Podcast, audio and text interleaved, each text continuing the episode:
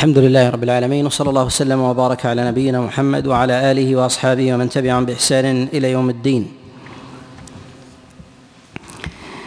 أما بعد ففي هذا المجلس والثالث من شهر صفر من العام السادس والثلاثين بعد الأربعمائة والألف نتكلم بإذن الله عز وجل على شيء من أحكام سورة النساء. وفي هذا المجلس نتكلم على قول الله جل وعلا وإذا ضربتم في الأرض فليس عليكم جناح أن تقصروا من الصلاة. وإنما ذكر الله سبحانه وتعالى هذه الآية بعدما ذكر الهجرة وأحكامها وذلك لتلبس الإنسان بالعدو وتربص العدو به. فإن الإنسان يطرأ عليه العدو والخوف في هجرته وكذلك أيضا في جهاده. فذكر الله سبحانه وتعالى أحكام قصر الصلاة في سياق ذكره للهجرة. ومعلوم أن المهاجر يتربص به العدو وكذلك أيضا فإن المجاهد كذلك. لهذا ذكر الله سبحانه وتعالى أحكام أحكام الصلاة وقصرها. وإنما ذكر الله سبحانه وتعالى أيضا قصر الصلاة بقيد الخوف بقيد بقيد الخوف. وذلك تغليبا لا تعليقا. وقد اختلف العلماء عليهم رحمة الله تعالى في ذكر الخوف في هذه الآية. هل هو لعلة التعليق؟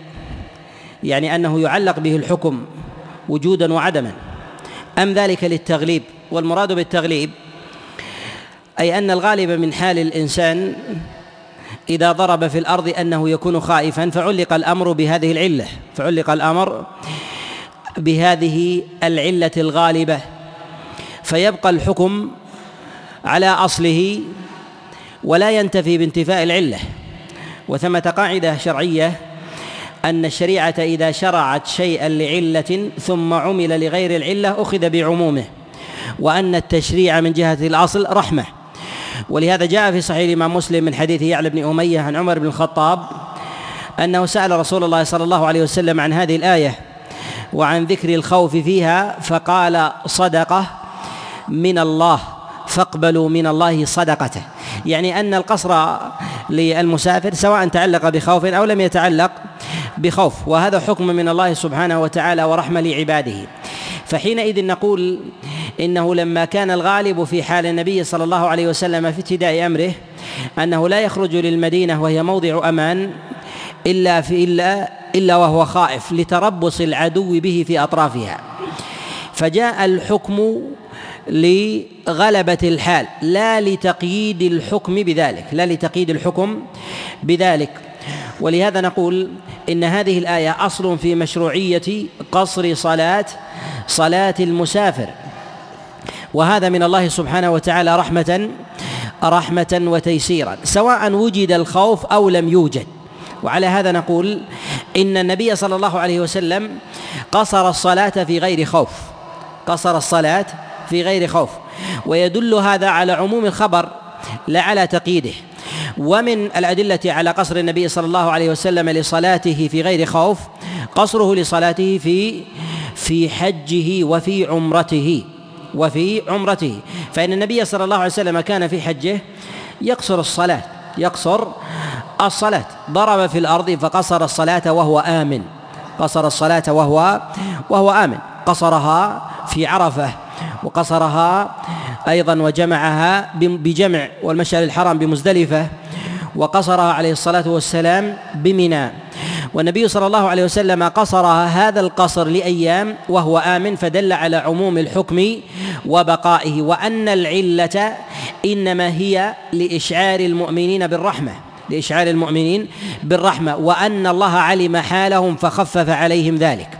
وإلا فالأصل باق في كل في كل سفر يضرب به الإنسان سواء كان ذلك من الأسفار من الأسفار المباحة أو كان ذلك من الأسفار من الأسفار المشروعة مما يتعلق بالهجرة وصلة الرحم أو لحج أو لعمرة أو لجهاد أو غير ذلك من الأسفار التي يتلبس بها الإنسان وقد جاءت الشريعة بالحث والحظ عليها.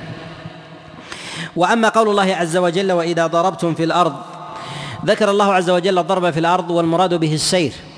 والسير أن الإنسان إذا ضرب في الأرض يقصد به السفر يقصد به السفر. ولا يضرب في الأرض إلا المسافر ولا يضرب في الأرض إلا إلا المسافر. وذلك معروف في لغة العرب. وأما سير الإنسان في بلده لا يسمى الإنسان ضاربا ضاربا في الأرض. وكذلك سيره في أطرافها لا يعد ضاربا ضاربا في الأرض. وإنما جعل جعل الضرب في الأرض لعمومها وذلك اختلاف حالها من فيافيها وقفارها وكذلك أيضا جبالها وسهولها وأوديتها لعموم هذه الأمر. وهذا لا يعترض إلا المسافر وهذا لا يعترض إلا المسافر. بخلاف الإنسان إذا كان في بلده فحاله وطبيعة بلده واحدة. فذكر لفظ الأرض على سبيل العموم لأن الإنسان يمر عليها على اختلاف على اختلاف حالها. ثم هنا بين الله عز وجل الرحمة بذلك على عباده فليس عليكم جناح والمراد بالجناح هو الحرج. كما جاء ذلك عن غير واحد من السلف كما رواه ابن جرير وكذلك ابن أبي حاتم من حديث علي بن أبي طلحة عن عبد الله بن عباس أنه قال في قول الله جل وعلا فلا جناح عليكم قال فلا حرج عليكم أي أن الله رفع الحرج على الأمة بتخفيفه لما فرضه عليها قبل ذلك لما فرضه عليها قبل قبل ذلك. ومعلوم أن الصلاة شرعها الله سبحانه وتعالى على أحوال. الحالة الأولى أن الصلاة أول ما شرعت ركعتين. لا فرق بين بين الصلوات لا صلاة الليل ولا صلاة النهار لا صلاة النافلة ولا صلاة الفريضة فكلها ركعتين. وهذا جاء في حديث عائشة عليه رضوان الله في الصحيحين وغيرهما قالت أول ما فرضت الصلاة ركعتين ركعتين ثم زيد في صلاة الحضر وأقر صلاة السفر. الثانية أن الله عز وجل زاد صلاة الحضر على اختلاف على اختلاف حالها. فزاد الظهر والعصر والعشاء ركعتين على الركعتين التي يؤديها الإنسان قبل ذلك فأصبحت أربعا فأصبحت أربعا. وزاد المغرب ركعة واحدة فأصبحت فأصبحت ثلاثا. وبقيت الفجر على ما هي عليه. وبقيت النوافل على ما هي عليه لما جاء في الصحيحين من حديث عبد الله بن عمر أن النبي صلى الله عليه وسلم قال صلاة الليل مثنى مثنى. وجاء في رواية صلاة الليل والنهار مثنى مثنى. واستثني من ذلك الوتر كما جاء في هذا الحديث. قال فإذا خشي أحدكم الصبح أو ترى أو ترى بواحدة. فأصبحت الصلاة على هذا الانتظام. الحالة الثالثة أن الله أرجع بعض الصلوات على تشريعها الأول رخصة رخصة لا إحكاما. والفرق بين الرخصة والإحكام أن الإنسان إذا ترك هذه الرخصة لم تبطل صلاته. وأما الإحكام إذا قلنا إن الصلاة قد جاء عادها الله عز وجل على أصلها الأول فأعاد صلاة الحضر والسفر ركعتين على سبيل العموم فيلزم من ذلك أن الذي لم يقصر الصلاة في حال سفره قد زاد على الصلاة ركعتين زاد على الظهر والعصر والعشاء ركعتين فإن صلاته حينئذ باطلة. وذلك كالذي يزيد على صلاة الفجر ركعتين. كالذي يزيد على صلاة الفجر ركعتين أو ركعة فتصبح حينئذ باطلة. هذا إذا قلنا إحكاما. ولكن نقول إن الله أرجعها رخصة. أرجعها رخصة. والرخصة للإنسان أن يأخذ بها وله أن يدعها وأخذها أو لا. رخصة من الله عز وجل وقبولا لصدقته وتيسيرا من تيسيره جل وعلا لعباده. ولهذا نقول إن هذه الحالة هي من مواضع الخلاف عند العلماء. مواضع الخلاف عند العلماء. هل إرجاع الله لعباده في صلاة السفر رخصة أو إحكاما؟ جمهور العلماء على أنها رخصة. ومنهم من قال إنما هي إنما هي إحكام. يعني أنه لا يجوز للإنسان إذا سافر إلا قصر الصلاة. إلا قصر الصلاة. فإذا زادها كحاله في الحضر بطلت صلاته. وهذا قول ضعيف. وهذا قول وهذا قول قول ضعيف. وثمة قول في هذه المسألة لا يجعلها إحكاما ولكن يجعل الأمر على الوجوب. لا يبطل الصلاة ولكن يؤثم. وهذا قول أيضا وهذا أيضا قول ضعيف. وهذا قول ضعيف. وذلك لاختلاف السلف الصالح عليهم رحمة الله في مسألة في مسألة السفر ومتى ينعقد السفر؟ ومثل هذا لو كان امرا بينا ظاهرا لأحكمته الشريعة كما أحكمت التباين في الصلوات. فثمة تباين بين صلاة المغرب وصلاة العشاء حتى لا تتداخل هذه في هذه. فحسمت من جهة الزمن ثم حسمت من جهة أيضا العدد. كذلك أيضا بالنسبة للسفر. فلما كانت الساعة والمعنى العام جاء في تعريف السفر والتوسعة في ذلك فالنصوص في هذا كثيرة.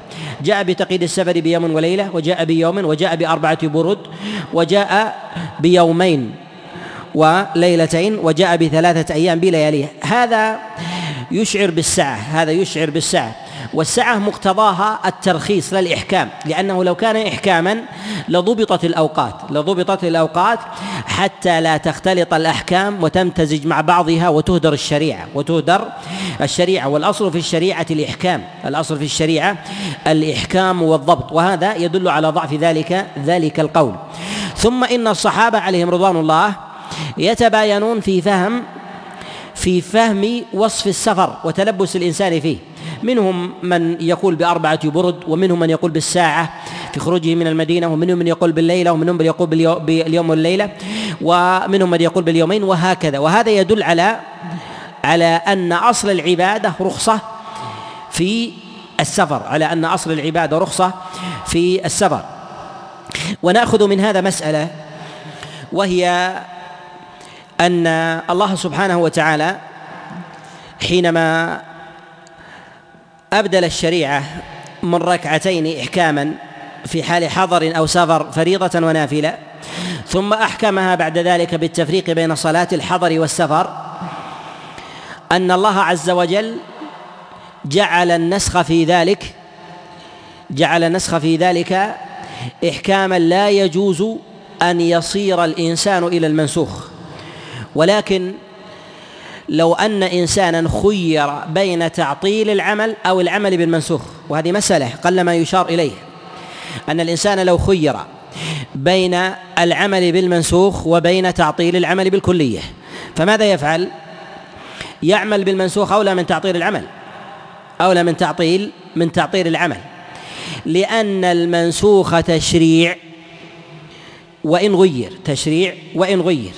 فعدم العمل به محل اتفاق ولكنه أقرب إلى التشريع من العدم أقرب من التشريع من العدم. مثال ذلك الإنسان ربما يأتي شخص يقول أني أريد أن أدخل الإسلام لكن لا أريد أن أصلي أربع صلوات أريد أن أصلي صلاتين صلاتين صلاتين وهكذا.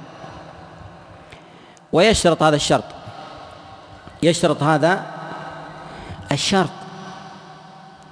هل نقبل من هذا؟ نقول تؤدي الصلاة كما جاءت على الناسخ أو أن تدعها بالكلية وتبقى على كفرك. نعم. ماذا؟ نقول نعم. يعمل بالمنسوخ لأن العمل بالمنسوخ أولى أولى من العدم أولى من العدم. وهذا وهذا في كل صورة يجد الإنسان نفسه مضطرا في القول فيها أن يقول بالمنسوخ أولى من القول بالعدم أولى من القول بالعدم. وهذا له جملة من الشواهد له جملة من الشواهد. منها أن الشريعة قد شرعت الصلاة ابتداء من غير وقت. قد شرعت الصلاة من غير من غير تحديد وقت بعينه. فيصلي الإنسان من غير تحديد الفرائض الخمسة. ثم نجد أن الشريعة بعد توقيت الصلوات جعلت بابا لرفع الحرج. جعلت بابا لرفع الحرج. وذلك في أحوال في حال المسافر. أنه يجمع بين الصلاتين يجمع بين بين الصلاتين. كذلك أيضا في حال الإنسان إذا وجد حرجا رفع عنه ولو كان في حال إقامة. كما جاء في حديث عبد الله بن عباس في الصحيحين وغيرهما أن النبي صلى الله عليه وسلم صلى الظهر والعصر ثمانية وصلى المغرب والعشاء سبعا. وسئل عبد الله بن عباس عليه رضوان الله عن ذلك فقال حتى لا يحرج أمته. وهذا عمل بشيء كان قبل ذلك. عمل بشيء كان قبل قبل ذلك. ويعضد هذا أيضا ما جاء في مسند الإمام أحمد أيضا من حديث قتادة عن نصر بن عاصم أن رجلا منهم جاء إلى رسول الله صلى الله عليه وسلم فاشترط ألا يصلي أراد أن يبايع وكان مشركا. فاشترط أن لا أن لا يصلي إلا إلا صلاتين. يعني إما أن يبقى على الوثنية إما أن يبقى على الوثنية أو يدخل الإسلام وألا يصلي إلا إلا صلاتين. قال فبايعه رسول الله صلى الله عليه وسلم على ذلك لأن دخوله للإسلام وعمله بالأحكام المنسوخة أولى من بقائه على الكفر مع ترك الأحكام مع ترك الأحكام. وهذا يلجأ إليه عند الاضطرار وهذا يلجأ إليه عند الاضطرار. وهذا نجد كذلك أيضا في كثير من المسائل. منها هل يقال ذلك بمتعة النكاح؟ هل يقال؟ نعم. نعم. أليست حكما منسوخا؟ نقول في حال في حال الاضطرار في حال الاضطرار. هل يقال بهذا أو لا يقال؟ نعم. نعم. الضرر كيف؟ نتكلم عن الاضطرار. أنا أريد أن أن أقرر المسألة. الأصل الأصل التحريم وأن الاستثناء أن الاستثناء لا يلغي أن الاستثناء لا يلغي لا يلغي الحكم بل يبقيه ولا يلغيه. ولكن نتكلم على أحوال لا تكون فصلا في المسألة ولا تكون مسائل. ولهذا ينبغي أن نشير إلى إلى حتى تتصور هذه المسألة أن العلماء لا يجعلون أمثال هذه المسائل فصولا بمعنى أنهم لا يقولون فصل في جواز الصلاة في جواز صلاتين في اليوم والليلة ولا يقولون فصل في جواز في جواز نكاح المتعة لا يقولون هذا ولكن يجعلون الباب في فرضية الصلوات الخمس وتحريم نكاح المتعة وبيان التدليل التدليل عليه. ولكن ربما تقع صورة من الصور يصار إلى العمل المنسوخ يصار إلى العمل المنسوخ وذلك في بعض الأحوال وبعض الصور ربما يستفتى الإنسان في مسألة من المسائل ويفتي بالقول المنسوخ يفتي بالقول المنسوخ لأنه إما قول منسوخ وإما عدم وإما عدم. والعدم في ذلك أيهم أعظم العدم أو أو القول المنسوخ؟ العدم أعظم العدم العدم أعظم. ومثال مثال هذا أيضا فيما يتعلق بمسائل آه، أذكر أنه وردني سؤال آه، من فلسطين من فلسطين أن رجلا أن رجلا وضع في حبس ومعه امرأة. أن رجل وضع في حبس ومعه ومعه امرأة. هذا مظنة الفساد أو ليس مظنة؟ ماذا يفتى بهذا؟ ماذا يفتى؟ الزواج محال في مثل هذه الحال. أنا لا تعلم بحالها ولا يعلم بأنها وليها. الأمر الثاني الزنا. الأمر الثالث النكاح بلا ولي. نكاح بلا بلا ولي. على ماذا يفتى؟ ها؟ نعم. لا بد من هذه الثلاثة. لا بد من هذه الثلاثة. والإنسان إذا أراد أن يفتي في مسألة لا بد أن يسبر المسائل ويقسمها وينظر إلى أقربها إلى أقربها إلى الشريعة. ثم يفتي بها حكما خاصا لا مسألة فقهية مقررة في الشريعة لا مسألة مقررة في الشريعة. ولهذا لا يجوز لعالم أو فقيه حينما يتكلم مثلا على الصلوات الخمس يقول الصلوات الخمس على صورتين. يجوز أن تؤدى كذا ويجوز أن تؤدى كذا. ولا يجوز له أن يتكلم مثلا على نكاح المتعة ثم يقول نكاح المتعة على حالين حالة جائزة وحالة محرمة. هذا لا يجوز تقريره هذا لا يجوز لا يجوز تقريره. وإنما يحكم على الصور بعينها نازلة منفكة عن التأصيل منفكة عن التأصيل. وهذه القاعدة أن مراتب مراتب نزول المفتي والفقيه في مسألة من المسائل أنه يبدأ بإمكان المحكم. وإذا لم يمكن المحكم ينظر إلى المنسوخ. وإذا ما أمكنه المنسوخ فإنه حينئذ يتحول إلى يتحول إلى غيره. فإن ما شرعته الشريعة ثم نسخته أولى مما لم تشرعه الشريعة بالكلية أولى مما لم تشرعه الشريعة بالكلية. وهذا يجده الإنسان في في بعض الأحكام يجده الإنسان في بعض الأحكام. يجده في العبادات يجده في العقود والأنكحة يجده ربما أيضا في بعض المسائل التي تتعلق في أمور الآداب والأخلاق. وهكذا وهذا له صور قضى بها رسول الله صلى الله عليه وسلم وكذلك أيضا بعض أصحابه عليهم رضوان الله تعالى. وهنا في قول الله جل وعلا فليس عليكم جناح أن تقصروا من الصلاة. ذكر الله سبحانه وتعالى القصر وما ذكر الجمع وذلك أن القصر شرع قبل الجمع. فالقصر شرع في القران والسنة والجمع شرعه الله سبحانه وتعالى لرسوله صلى الله عليه وسلم واستفاض به واستفاض به العمل واستفاض به العمل. وأما بالنسبة لقصر الصلاة في السفر فقد اختلف العلماء في هذه المسألة على أقوال أربعة على أقوال أربعة. القول الأول قالوا بأن الصلاة لا تقصر بأن الصلاة لا تقصر. لا في حضر ولا في سفر وإنما تقصر في صلاة الخوف. وإنما تقصر في صلاة الخوف. قالوا وذلك أن الله سبحانه وتعالى قد قيد القصر في هذه الآية عند الخوف من العدو عند الخوف من من العدو. وهذا التقييد لا بد من القول به. هذا القول قال به قال به قلة قال به قلة من السلف. وهذا مروي عن عائشة عليها رضوان الله تعالى. القول الثاني قالوا بأن القصر في السفر واجب. أن القصر في السفر واجب.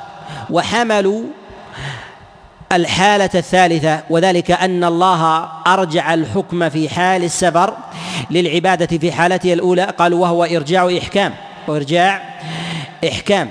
وليس وليس رخصة فيجب عليه أن يؤديها. قالوا وذلك أن الله سبحانه وتعالى فرض الصلاة ركعتين ثم زيد الصلاة الحضر. فصلاة السفر من جهة أصلها ركعتين فالزيادة عليها كالزيادة على الحضر ستا وأربعا وخمسا ونحو ذلك. قالوا هذا ما جاء في حديث عائشة عليه رضوان الله أنها قالت فرض الصلاة الصلاة ركعتين ركعتين ثم أقر صلاة السفر وزيد في صلاة الحضر. قالوا فصلاة السفر فرضا ركعتين إحكاما لا لا رخصة. وهذا القول قال به أبو حنيفة رحمه الله. ولازم قوله ذلك ولازم قوله أن من زاد على الصلاة بطلت صلاته. بطلت بطلت صلاته. وهذا القول حكاه بعض فقهاء المالكية عن مالك وفيه نظر. فنسبته لمالك فيها نظر. وذلك أن لازم القول لا يقول به مالك وما حكي عنه وما حكي عنه. وذلك أن لازم القول أن الزيادة عليها بطلان. أن الزيادة عليها بطلان. ويبطل هذا القول أيضا حتى من يقول بهذا عند فقهاء الرأي أن جماعة من فقهاء الرأي يخالفون يخالفون أبا حنيفة رحمه الله في حد السفر في حد السفر. فإذا اختلفوا في حد السفر فإنهم يختلفون في العبادة فيه من جهة أدائها وقصرها.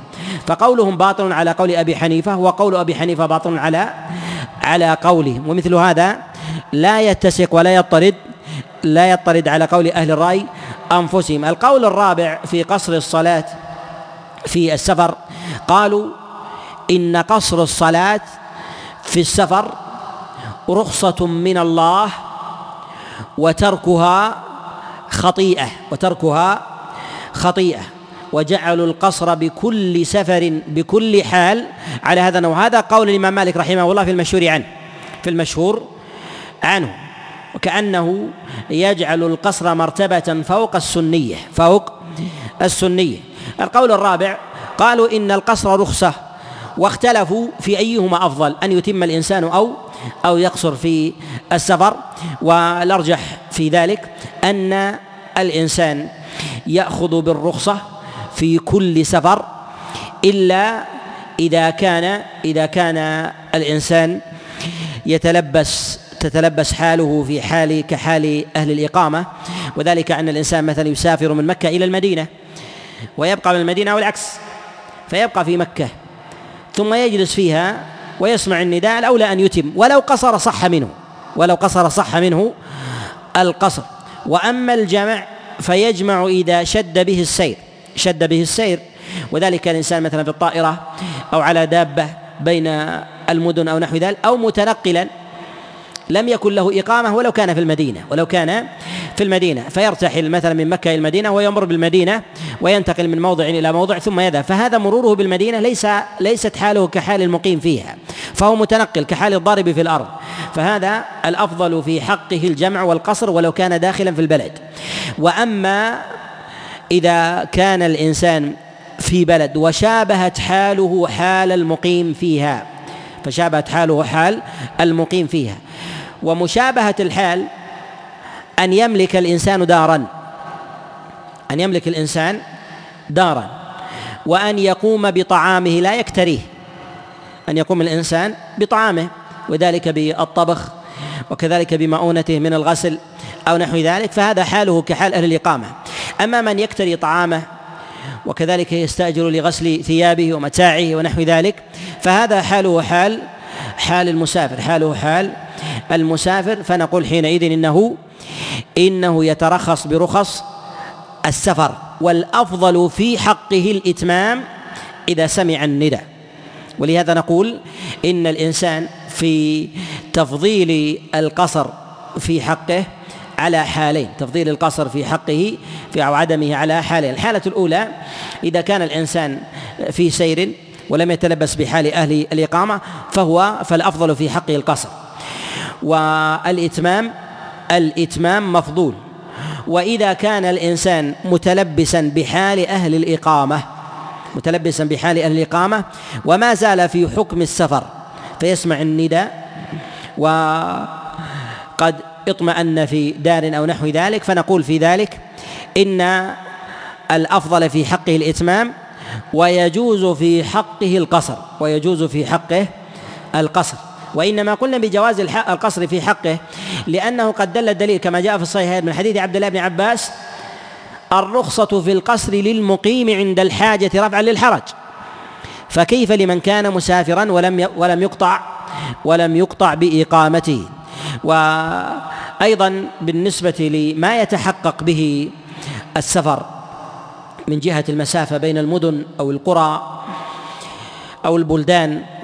فما المسافة التي يضبط فيها؟ هذه من المسائل التي وقع فيها خلاف كثير. المسائل التي وقع فيها خلاف خلاف كثير. وأشهر هذه الأقوال هي أقوال أربعة أقوال أربعة. القول الأول قالوا وثلاثة أيام بلياليهن. القول الثاني قال قالوا يومين وليلة. وذلك للسائر على للسائر على قدميه أو على دابة أو على دابة تسير تسير كسير كسير الإنسان في مشيه لا تجري لا تجري سريعا. والقول الثالث قالوا يوم يوم وليلة. القول الرابع قالوا أربعة برد. قالوا أربعة أربعة برد. والجامع لهذه الأقوال ومن نظر في أقوال السلف يجد أن التباين في أقوالهم مرده في ذلك لاختلاف العرف عنده. وأن ما يأتي من أقوال السلف عليهم رحمة الله من التباين في هذا ليس تضادا وإنما تنوعا في العرف. لا تضادا في الحكم لا تضادا في الحكم. ولهذا نجد أن بعض الصحابة يفتي في هذه المسألة بقولين أو بثلاثة. وكذلك أيضا بعض التابعين مما يدل على تباين العرف من جهة الزمن أو في البلد التي أفتى أفتى فيها وقد ثبت في الموطأ عن عبد الله بن عمر عليه رضوان الله أنه كان يخرج من المدينة ساعة فيقصر الصلاة. وهذا جاء أيضا عن غير واحد عن غير واحد من من السلف. فما تعارف الناس عليه أنه سفر فهو سفر. وما تعارف الناس عليه أنه ليس بسفر فهو فليس فليس بسفر وهنا في قول الله جل وعلا إن خفتم أن يفتنكم الذين كفروا هذه هذا التعليل في ذلك هو للتغليب لا للتعليق. وللتغليب ولذلك لتغليب الحال التي كانوا فيها أن الإنسان آه، في حال نزول الوحي على النبي عليه الصلاة والسلام ما كانوا يسافرون يضربون في الأرض إلا ويقترن بسفرهم الخوف وغالب خروجهم سرايا وغزوات وكذلك لحج وعمرة. ويتربص بهم العدو يكيد بهم. فنزلت هذه الآية لبيان لبيان رحمة الله عز وجل في أصل التشريع. لا تعليقا للحكم للحكم به.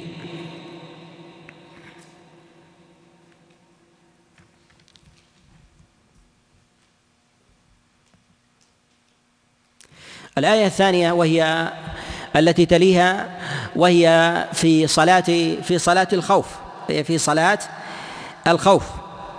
وقد جاء في ذلك الخطاب لرسول الله صلى الله عليه وسلم. يقول الله جل وعلا وإذا كنت فيهم فأقمت لهم الصلاة فلتقم طائفة منهم معك. هذه الآية نزلت على رسول الله صلى الله عليه وسلم في غزوة ذات الرقاع. في غزوة ذات الرقاع وذلك أن رسول الله صلى الله عليه وسلم صلى صلاة الخوف بهم في هذه في هذه الغزوة. وقد اختلف العلماء عليهم رحمة الله في هذه الغزوة من جهة وقوعها زمنا جهة وقوعها زمنا. هل وقعت قبل غزوة الخندق أم الخندق قبلها؟ أم أن غزوة ذات الرقاع قد وقع هذا الاسم أكثر من مرة. ومعلوم أن ذات الرقاع يحتمل تحتمل التسمية لأكثر من غزوة. وذلك أنهم وضعوا رقاعا على أقدامهم تقيهم تقيهم الأرض. وذلك من رمضائها وكذلك حجارتها. فوضعوا الرقاع فسمي ذات الرقاع ويحتمل أنهم احتاجوا إلى ذلك في أكثر من غزوة. فوقع الاسم على أكثر على أكثر من غزوة. ولكن نقول إن العلماء قد اختلفوا بين الغزوتين بين غزوة الخندق وغزوة ذات الرقاع على قولين وإنما جاء الكلام على غزوة الخندق أن النبي صلى الله عليه وسلم أخر صلاة العصر في غزوة الخندق إلى غروب الشمس. فقال النبي صلى الله عليه وسلم شغلونا عن الصلاة الوسطى صلاة العصر ملأ الله بطونهم وأفواههم نارا وقبورهم نارا. وهذا وهذا الكلام فيه إشكال.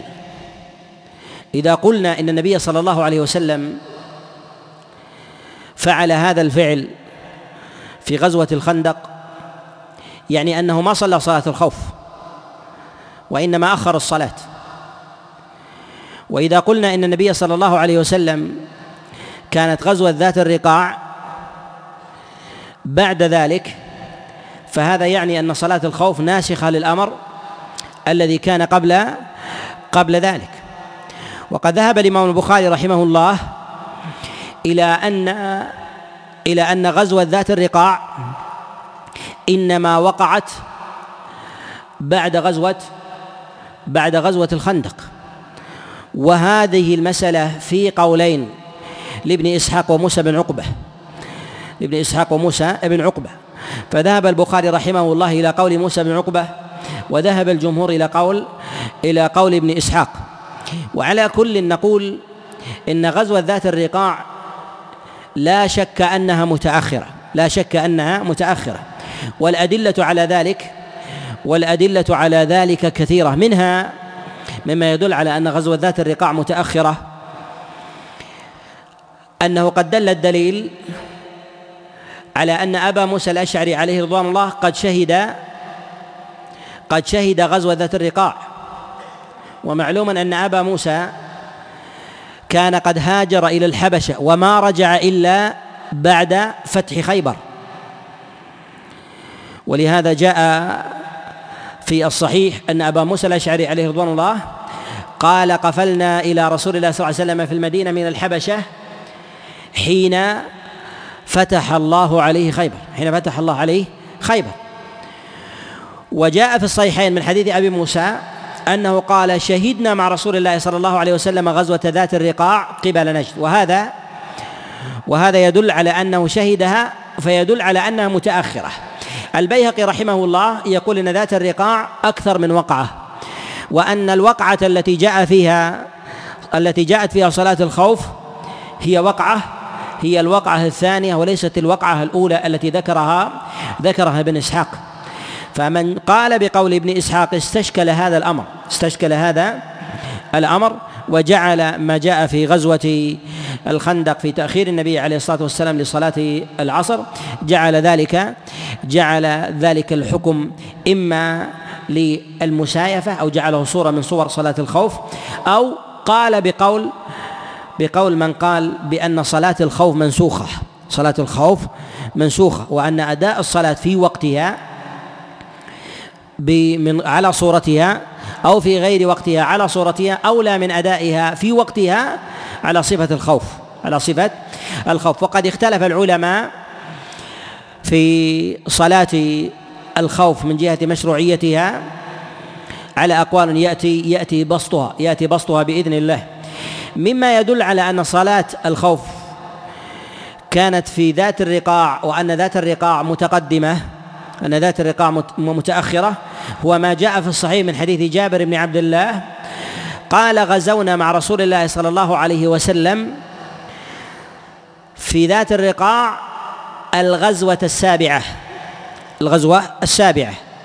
وهذا يدل على تأخرها تأخر تلك الغزوة.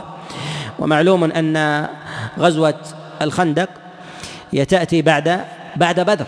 فأول آه، تأتي بعد أحد. فأول الغزوات هي غزوة بدر وهي في السنة الثانية. ثم غزوة أحد وهي في الثالثة. ثم غزوة الخندق. ثم غزوة الخندق هي الأحزاب جاءت بعد بعد ذلك. ثم جاء بعد ذلك مريسيع ثم جاء خيبر ثم جاءت ذات الرقاع منهم من قال ترتيبها السابعة يقصد جابر بن عبد الله ترتيبها السابعة ومنهم من قال العام السابع. وعلى كلا القولين فهي تأتي بعد غزوة غزوة الخندق مما يدل على أن النبي عليه الصلاة والسلام إنما أخر صلاة العصر في الخندق قبل فرض صلاة الخوف عليه في هذه الآية. قبل فرض صلاة الخوف عليه في هذه في هذه الآية وأن الأرجح هو قول موسى بن عقبة الذي نزع إليه الإمام البخاري الإمام البخاري رحمه الله وذهب إلى هذا جماعة من المحققين كابن القيم عليه رحمة الله وغيره. وقد اختلف العلماء في صلاة الخوف وذلك منهم من أخذ ذلك الإشكال وقال بالنسخ. اختلفوا في صلاة الخوف على على أقوال. القول الأول قالوا بأن صلاة الخوف منسوخة وذلك لتقدمها وأنها نسخت بتأخير النبي عليه الصلاة والسلام لصلاة لصلاة العصر حتى غروب الشمس. وقال بهذا القول المزني وصاحب الإمام الشافعي رحمه الله. القول الثاني قالوا بأن صلاة الخوف خاصة برسول الله صلى الله عليه وسلم وأنها بعده لا تشرع لأحد وذلك أن الخطاب في القرآن خوطب به النبي صلى الله عليه وسلم. وذلك أن الله جل وعلا وجه الخطاب إليه في قوله وإذا كنت فيهم فأقمت يعني يا رسول الله فالخطاب لا يتوجه إلى غيرك. وهذا القول قال به أبو يوسف صاحب أبي حنيفة. وهذا القول قول ضعيف. وهذا القول قول قول ضعيف. ويعرض الأرجح الصحيح. في ذلك ما ذهب إليه جمهور العلماء وهو قول عامة الفقهاء وقول الأئمة الأربعة وعامة الصحابة أو بإجماعهم وكذلك أيضا التابعين على أن صلاة الخوف محكمة. على أن صلاة الخوف محكمة. ويدل على بطلان قول النسخ والقول بالتخصيص جملة من الأدلة.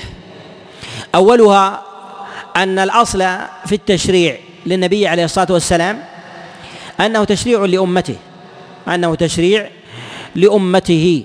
فالخطاب في ذلك عام والخصوصية لا بد أن أن تدل بدليل بدليل صريح في الكتاب والسنة. الأمر الثاني أن الله عز وجل جعل صلاة النبي عليه الصلاة والسلام بأصحابه لا صلاة له منفردة. ولو كانت الصلاة فيه أو الصلاة له منفردة. لأمره الله عز وجل بأن يصلي وحده وأن يصلي المسلمون من أصحابه منفردين على صفة يجعلها الله عز وجل لهم.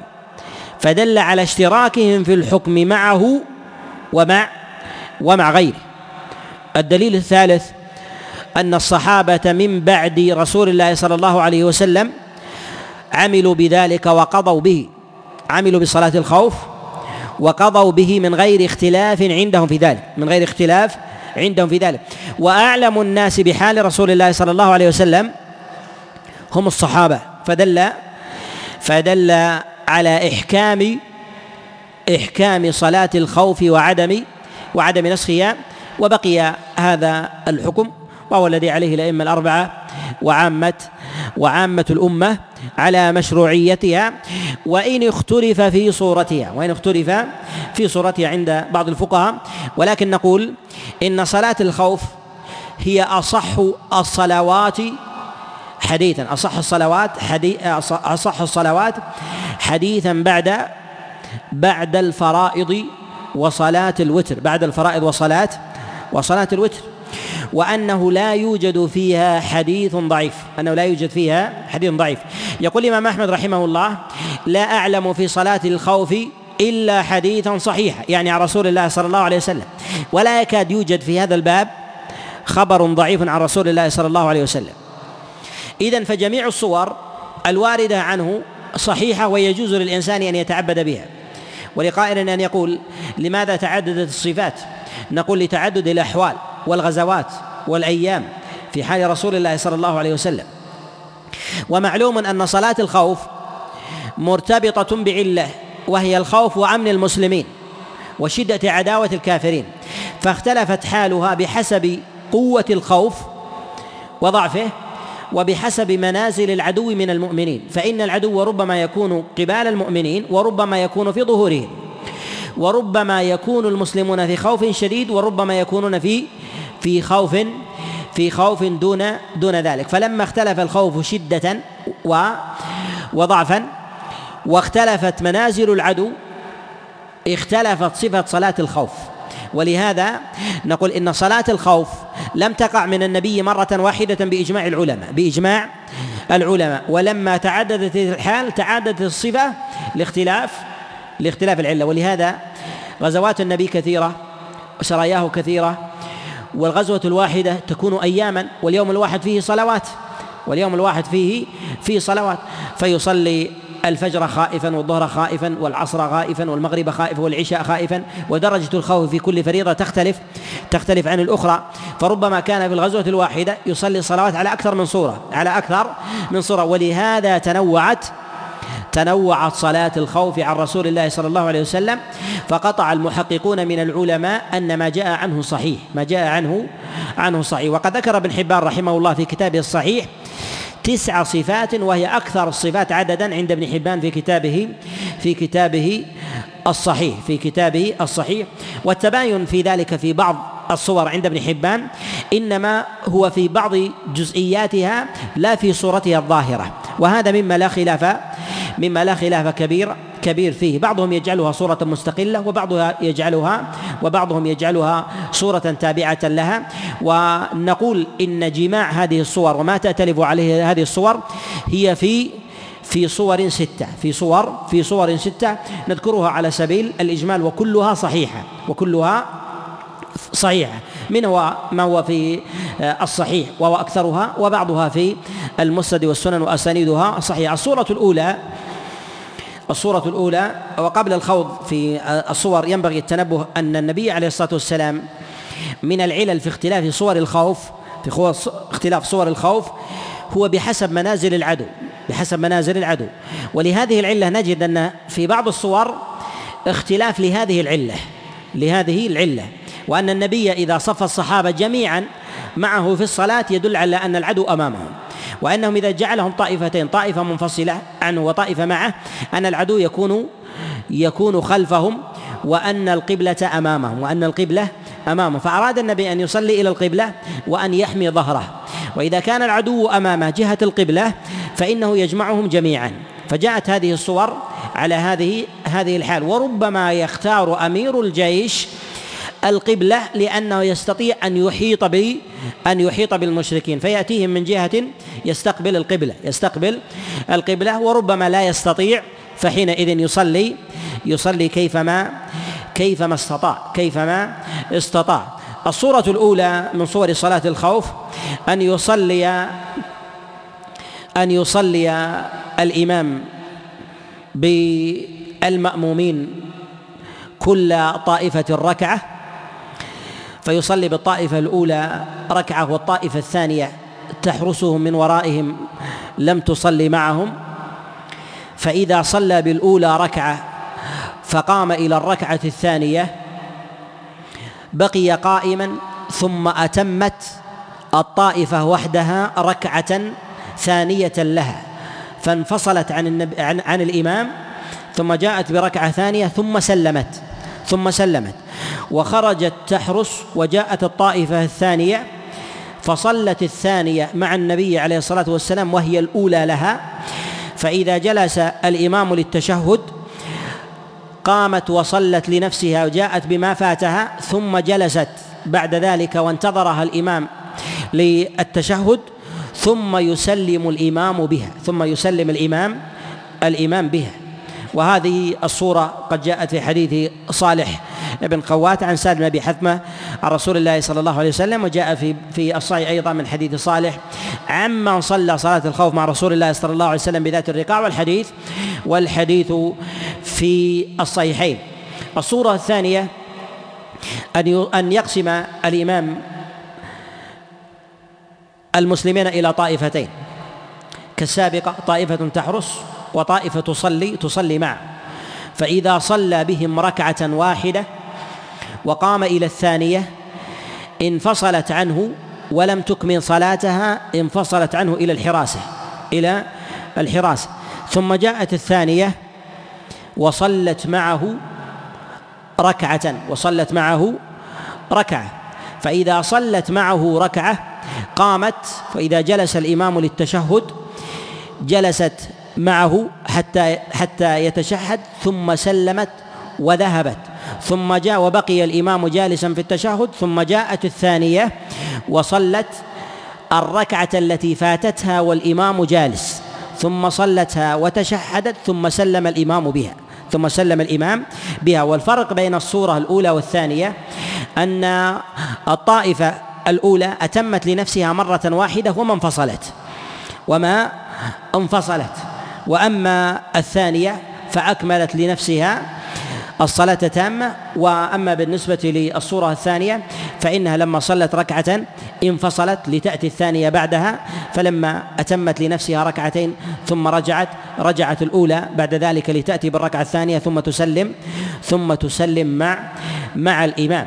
الصورة الثالثة في هذا أن يصلي الإمام بكل طائفة ركعة واحدة تسلم الأولى ثم تنصرف لها وتنقضي صلاتها وتنقضي صلاتها. ثم تأتي الثانية ويصلي بها الركعة الثانية لنفسه وهي الركعة للثانية واحدة ثم تسلم وتنصرف. فيكون للإمام ركعتين ولكل طائفة ركعة ولكل طائفة ركعة.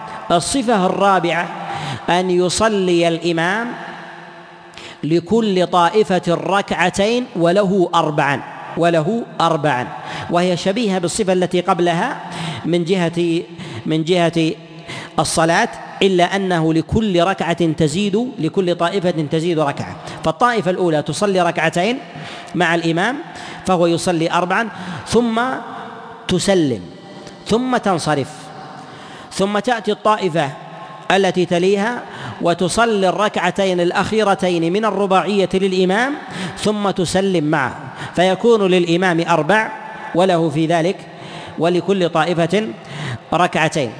هذه الصفات الأربع في حال كون العدو في ظهر في ظهر المسلمين في ظهر المسلمين. فطائفة تحرس وطائفة وطائفة تصلي تصلي مع الإمام. وأما إذا كان العدو في وجاه المؤمنين يعني في قبالهم فيجمع الإمام المصلين معه جماعة واحدة جماعة واحدة ولكنه يجعلهم على صفين أو أكثر على صفين أو أكثر. يصلون معه الصلاة كاملة إلا أنه في السجود تبقى الصف الثاني لا يسجد معه ويسجد الصف الأول فقط. فإذا سجد الصف الأول فقط ثم قام للركعة الثانية نزل وسجد الصف الثاني لنفسه سجد لي لنفسه ثم لحق بالإمام ثم لحق بالإمام فإذا جاءت الركعة الثانية وأراد الإمام السجود تقدم الصف الأول ورجع الصف الثاني. حتى يسجد الصف الثاني فيأخذ حظه من متابعة الإمام بالسجود والركوع كما أخذ الصف الأول لما تأخر نصيبه من السجود مع الإمام أولا. وحينئذ كأن الصف الثاني يحرس النظر وأما بالنسبة للصف الأول فإنه يتابع الإمام. فإذا جلسوا في التشهد فيجلسون جميعا فيجلسون جميعا. والصورة السادسه وهي صورة المسايفة. سميها الفقهاء صوره المسايفه أو المبارزه وكيف يصلي؟ كيف يصلي؟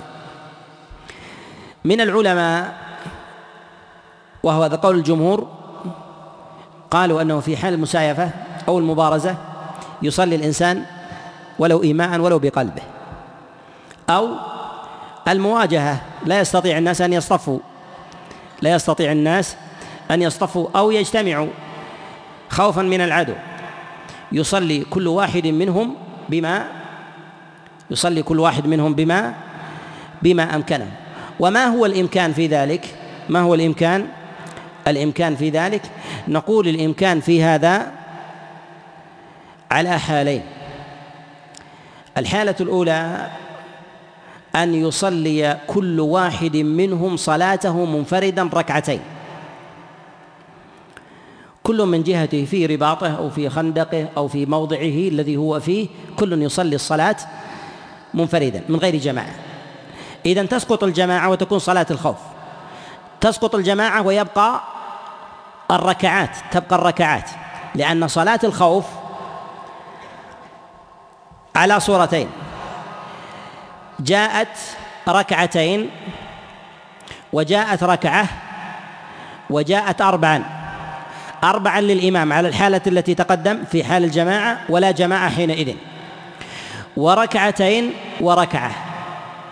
فإذا لم يتيسر للإنسان أن يؤدي ركعتين فإنه يؤدي ركعة. وإذا تيسر له أن يصلي ركعتين فيصلي ركعتين. وحينئذ نقول إن أداء الصلاة في الحالة الأولى بقدر أمانه. بقدر أمانه. إذا تمكن من يصلي ركعتين نقول وجبت عليه ركعتين. وإذا شق عليه أن يصلي ركعتين نقول صلى واحدة. صلى صلى واحد. الحالة الثانية أن يومئ بلا ركوع ولا سجود. يعني لا تكون صلاة. لا تكون صلاة. يومئ إيمان. ولو كان ماشيا. ولو كان ماشيا. أو راكبا. ولهذا قد روى مالك عن نافع عن عبد الله بن عمر. قال فلرجالا أو ركبانا. قال ماشيا أو راكبا. أو قاعدا. قال نافع ولا أراه ذكر ذلك إلا عن رسول الله صلى الله عليه وسلم.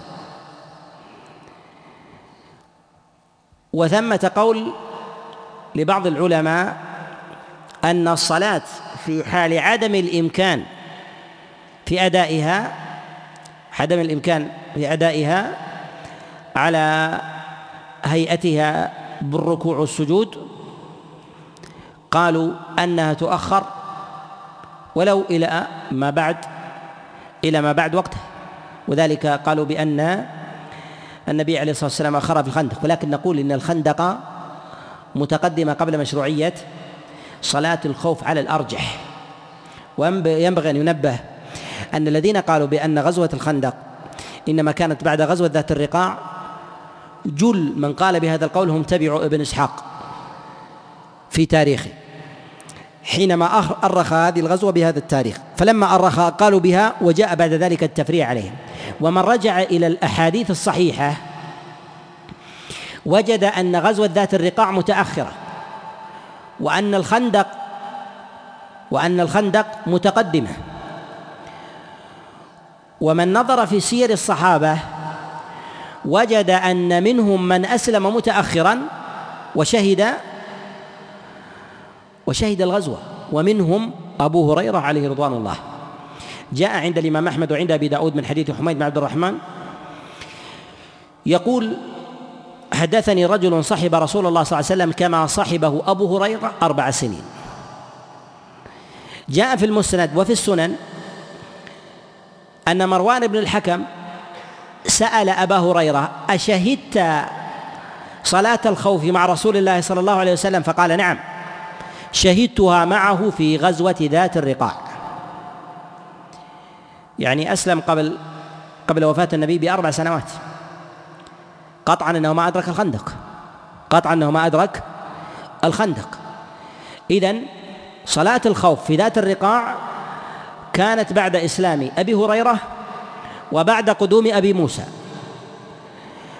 ومن نظر إلى قول ابن إسحاق في في السير وفي التاريخ يجد أنه يؤرخها على خلاف ما جاء في الأحاديث الصحيحة في الصحيحين وفي غيره وهي الأولى بالأخذ والاعتبار وهي أقوى ولو كان هو عالما بالسير والمغازي إلا أن الأسانيد في كتب السنة والصحاح أولى بالأخذ وأولى بالاعتبار.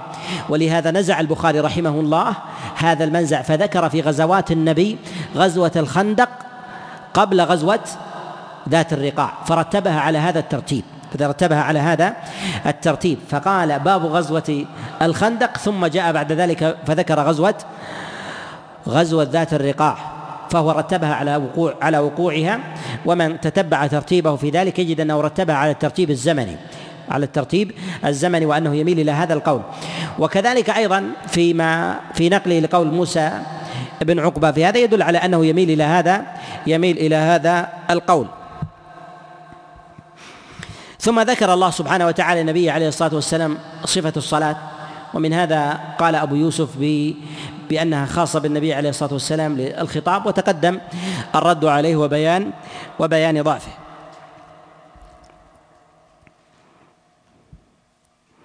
وهنا في أمر الله سبحانه وتعالى للمسلمين أن يأخذوا أسلحتهم.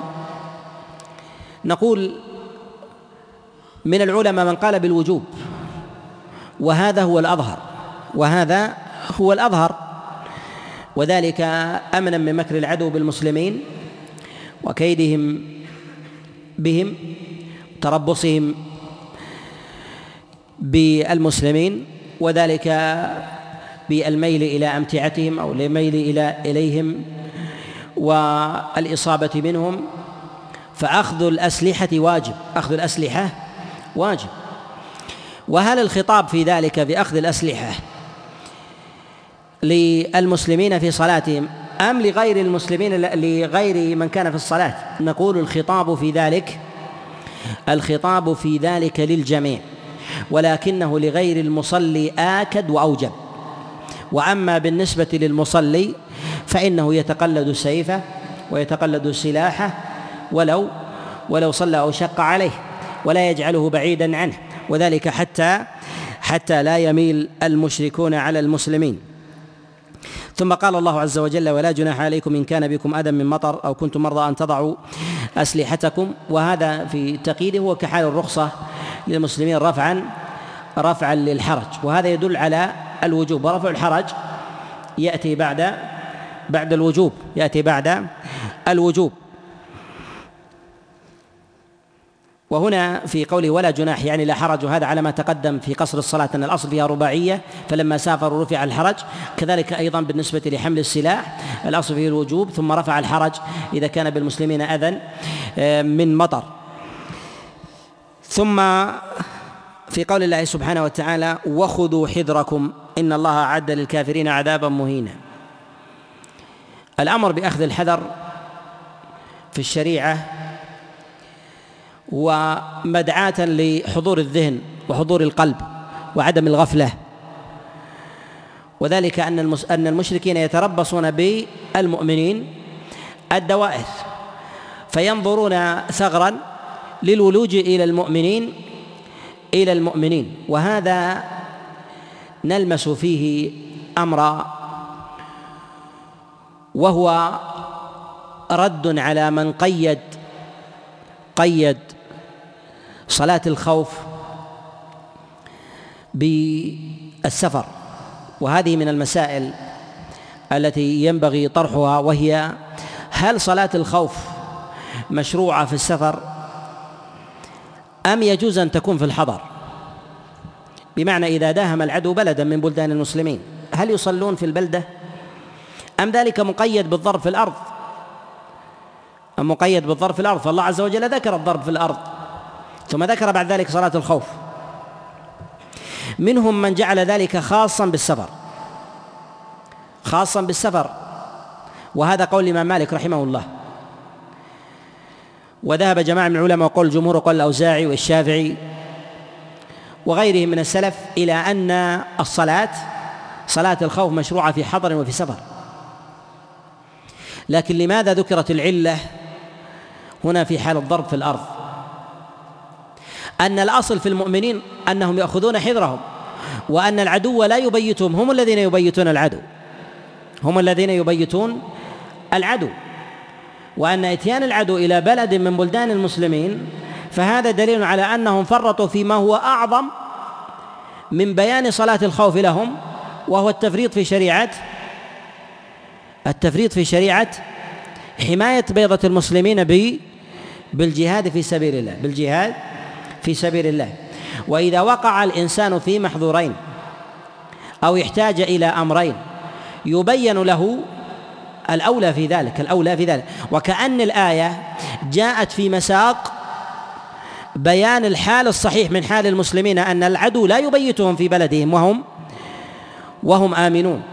الأصل أنهم يحذرون ويعلمون هل العدو قادم إليهم أو ليس بقادم وأنهم هم الذين هم الذين يبيتون العدو قبل أن قبل أن يبيتهم. وأن ورود مثل هذه الصورة تدل على تفريط في أصل يحتاجون إلى التقريع والترهيب عليه أولى من حاجتهم لبيان صلاة الخوف في حال الإقامة. في حال الإقامة. فجاءت الشريعة بما هو آكد وأولى في البيان وتقديمه عليه. وهذا لا ينفي غيره. وهذا لا ينفي أنهم إذا احتاجوا لو بيتهم العدو مع أخذهم للحذر أن الحكم في ذلك باق أن الحكم في هذا باق حتى في حال في حال الحظر فلو داهم عدو من من الكافرين على المؤمنين في بلدهم فإنهم يصلون صلاة الخوف على الصفات المذكورة بمقدار حاجتها بمقدار حاجتها. فإذا كان العدو من أمامهم فعلى الصفات من خلفهم على الصفات. كذلك أيضا إذا كانوا أفرادا لا يستطيعون أن يجتمعوا لم يكونوا جماعة. كذلك أيضا لم يستطع الإنسان في حال المسايفة والمواجهة لم يستطع الإنسان أن يصلي لا وحده ولا جماعة فإنه يصليها يصليها على على ما استطاع. ثم في قول الله سبحانه وتعالى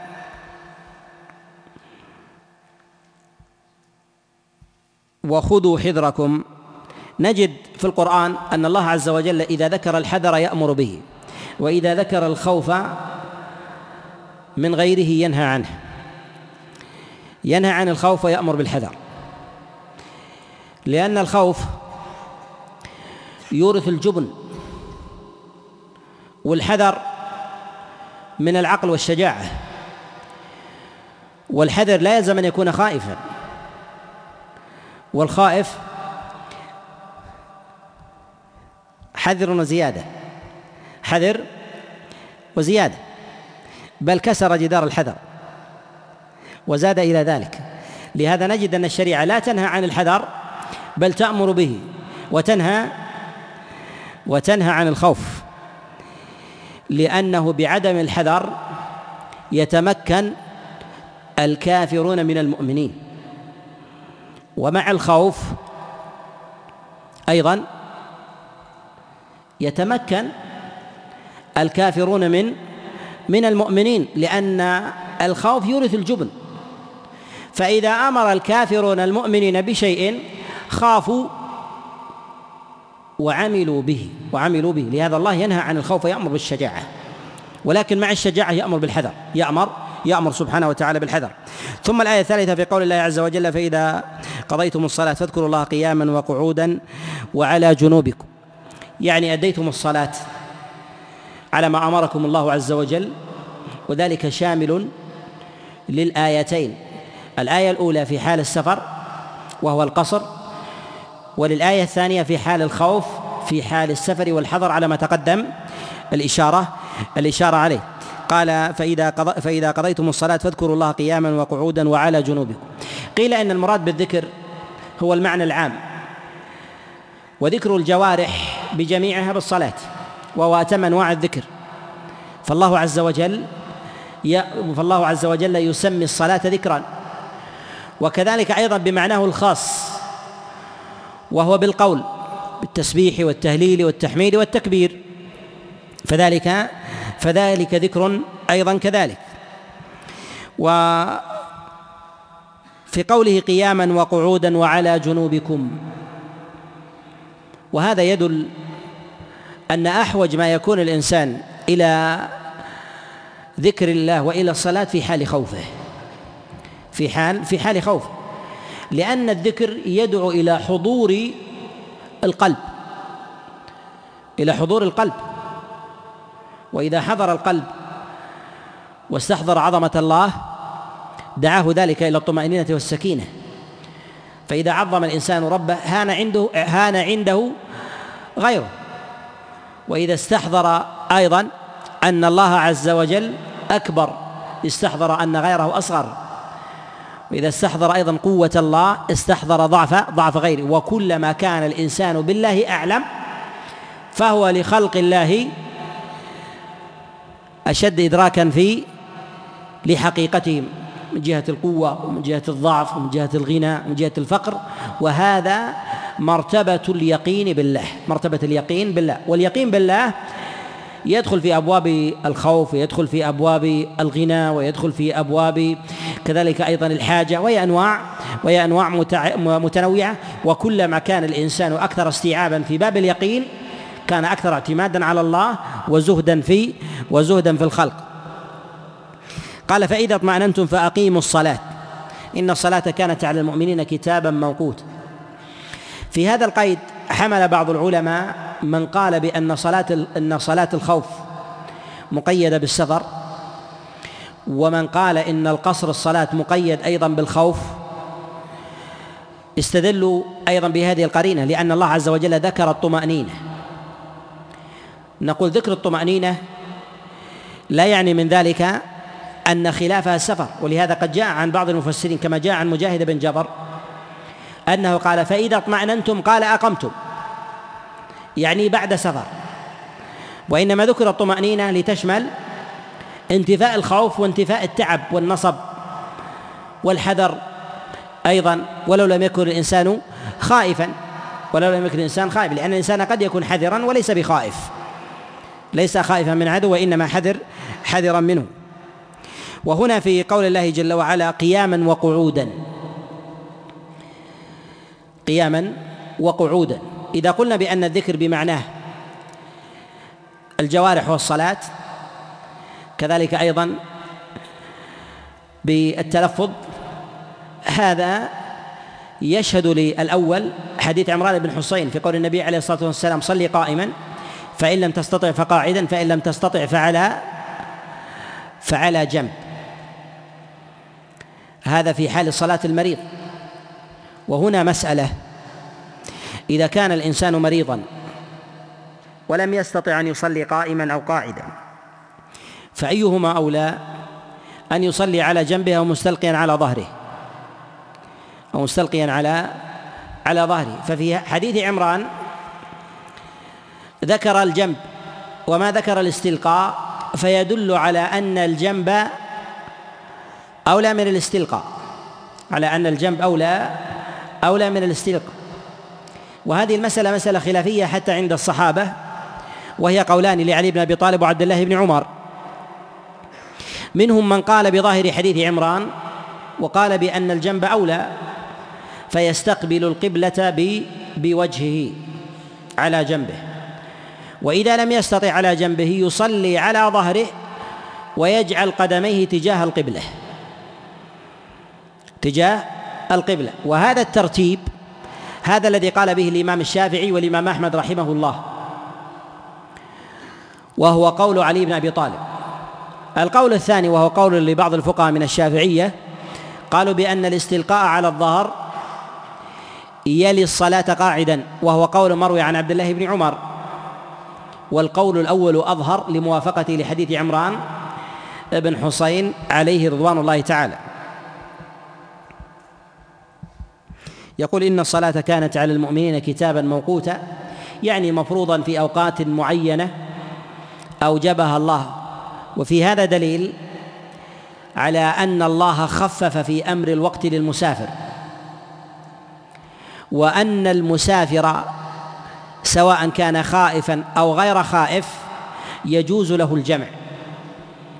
يجوز له الجمع. فنقول إن هذه الآية تدل بدليل الخطاب لا بصريحه على جواز الجمع. فالله سبحانه وتعالى ذكر أن الصلاة كتابا موقوتا في حال الطمأنينة. لازمه أنه في حال غير الطمأنينة أنه يجوز للإنسان أن يجمع. فيدخل وقت الظهر مع العصر تقديما وتأخيرا والمغرب مع العشاء تقديما وتأخيرا. فها فنقول إن دليل القصر دليل القصر في الصلاة صريح في القرآن ثابت بالتصريح وأن الجمع ثابت بدليل الخطاب بدليل الخطاب لا بصريح بدليل الخطاب لا بصريح.